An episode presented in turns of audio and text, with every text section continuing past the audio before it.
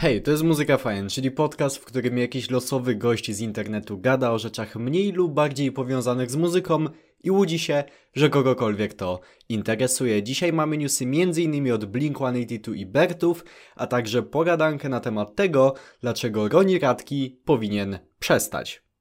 Oczywiście nie mamy czasu do stracenia, więc lecimy z newsami. I na początek news dotyczący niezawodnych fanów Taylor Swift. Kojarzycie zjawisko kolejkowania przed koncertami? Dla osób niewtajemniczonych chodzi po prostu o przyjście na dużo wcześniej przed otwarciem bram pod klub czy też stadion, na którym będzie miał miejsce koncert, w celu zapewnienia sobie najlepszych miejsc poprzez wejście na płytę jako pierwszy.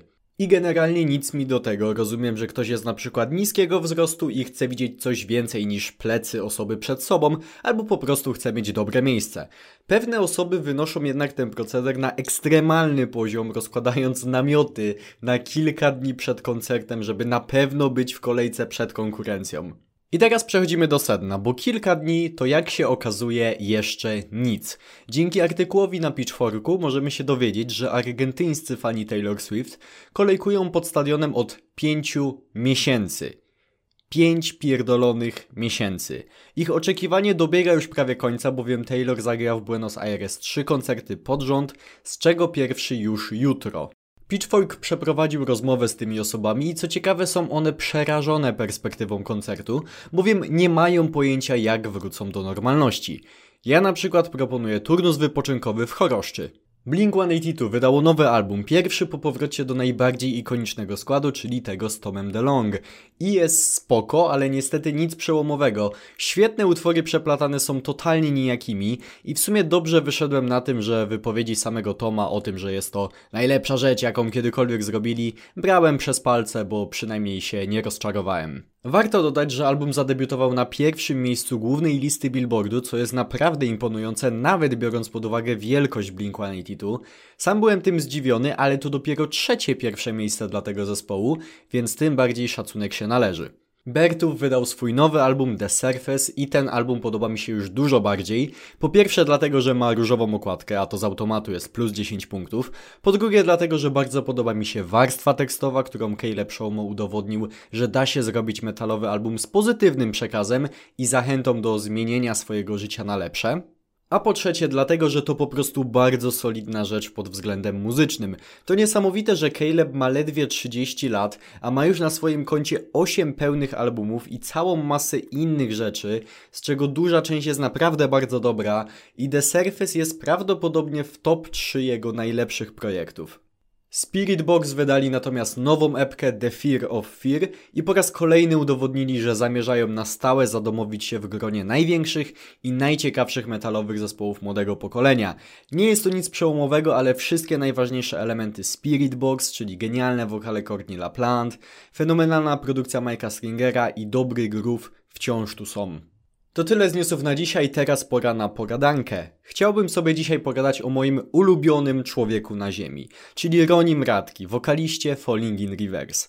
Roni od zawsze był co najmniej kontrowersyjną postacią, swego czasu opowiadałem tutaj na podcaście historię jego bifu z zespołem Icy Stars, ale od mniej więcej roku, dwóch gość już totalnie odleciał. I szczerze mówiąc, początkowo wzbraniałem się przed szerszym poruszeniem tego tematu, bo ja naprawdę nie czuję za bardzo przyjemności z opowiadania o debilach, ale hej, lepszych tematów i tak nie mam. Postaram się przedstawić to wszystko tak, żeby osoby, które kompletnie nie wiedzą, kim jest Roni Radki, również mogły zrozumieć, z czym właściwie mamy do czynienia. Otóż Roni jest 40-letnim gościem z żoną i dzieckiem, który swój wolny czas przeznacza na wyzywanie się z nastolatkami na Twitterze i Instagramie. Jego schemat działania jest zawsze taki sam. Dostrzega jakiś nieprzychylny komentarz, robi screenshota, wrzuca jako tweeta lub story na Instagramie, oznacza autora komentarza tak, żeby armia Roniego w bardzo prosty sposób mogła zrobić mu najazd, no i oczywiście na dokładkę wyzywa tą osobę od najgorszych.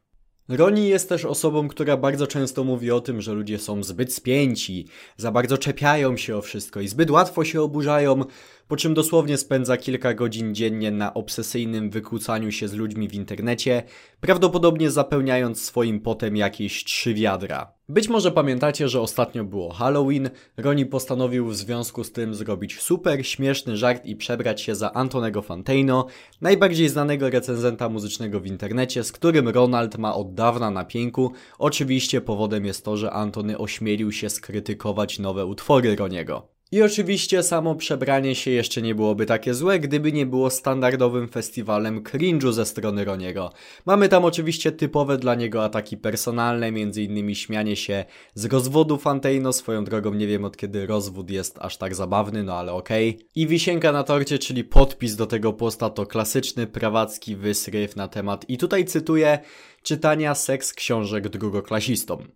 I tak jak zawsze w tego typu przypadkach nie ma żadnych konkretów, są po prostu jakieś ogólniki o czytaniu seks książek dzieciom w szkole, cokolwiek miałoby to oznaczać, podczas gdy wystarczy jakieś 10 minut researchu, żeby wiedzieć, że nic takiego nigdy nie miało i nie ma miejsca, bo dlaczego miałby ktoś to robić, a już na pewno nie jest to jakiś plan społeczności LGBT. No ale wyprane mózgi mają to do siebie, że lubią się bać czegoś, co nie istnieje i lubią walczyć z każdym, kto według nich za tym haniebnym, choć oczywiście nieistniejącym czynem stoi. I cała działalność internetowa Roniego jest pełna tego typu wysrywów. Chociaż w sumie nawet na tym etapie już nie tylko internetowa, bo on to również inkorporuje w swojej muzyce, to nieustanna mieszanka wyzywania ludzi, ostrzegania przed nieistniejącym zagrożeniem, śmiania się z rzeczy, które w sumie nawet nie tyle, że są niesmaczne, co po prostu są nieśmieszne i wypowiedzi o tym, jak to Roni nie jest najwspanialszym muzykiem w historii. I warto coś zaznaczyć. Roni czasami napisze coś mądrego. Zgoda. Ale Janusz Korwin-Mikke napierdalający 200 tweetów dziennie też raz na miesiąc napisze coś sensownego. I nie oznacza to, że Janusz Korwin-Mikke nie jest skończonym kretynem. Początkowo starałem się zrozumieć Roniego, nawet czasami sympatyzowałem z nim, bo na przykład tak, zgadzam się co do tego, że niektórym cymbałom wydaje się, że mogą w internecie napisać każde możliwe kłamstwo i nie spotkają ich żadne konsekwencje i taki publiczny call-out może być dla nich dobrą lekcją pokory.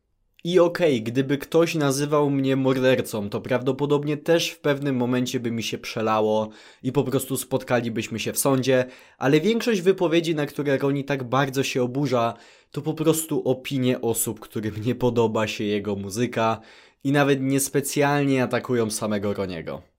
To jest ogólnie temat rzeka i gdybym miał analizować każdy monolog Roniego Radkiego na jego Twitterze, to siedzielibyśmy tu godzinę nie mam ochoty tego robić, przyznam szczerze, więc podsumowując, nie bądźcie kretynami i nie marnujcie swojego czasu. To by było na tyle, jeśli chodzi o dzisiejszy epizod Muzyka Fajn Podcast. Dzięki wielkie za wysłanie go do końca. Jeśli słuchasz tego podcastu na Spotify, zostaw po sobie ocenę, najlepiej pięciogwiazdkową, będzie mi bardzo miło. Standardowo przypominam, że w opisie tego podcastu znajdują się linki m.in. do mojego serwera Discord, do mojego kanału na YouTubie, na TikToku i tak. Wszystko tam znajdziecie.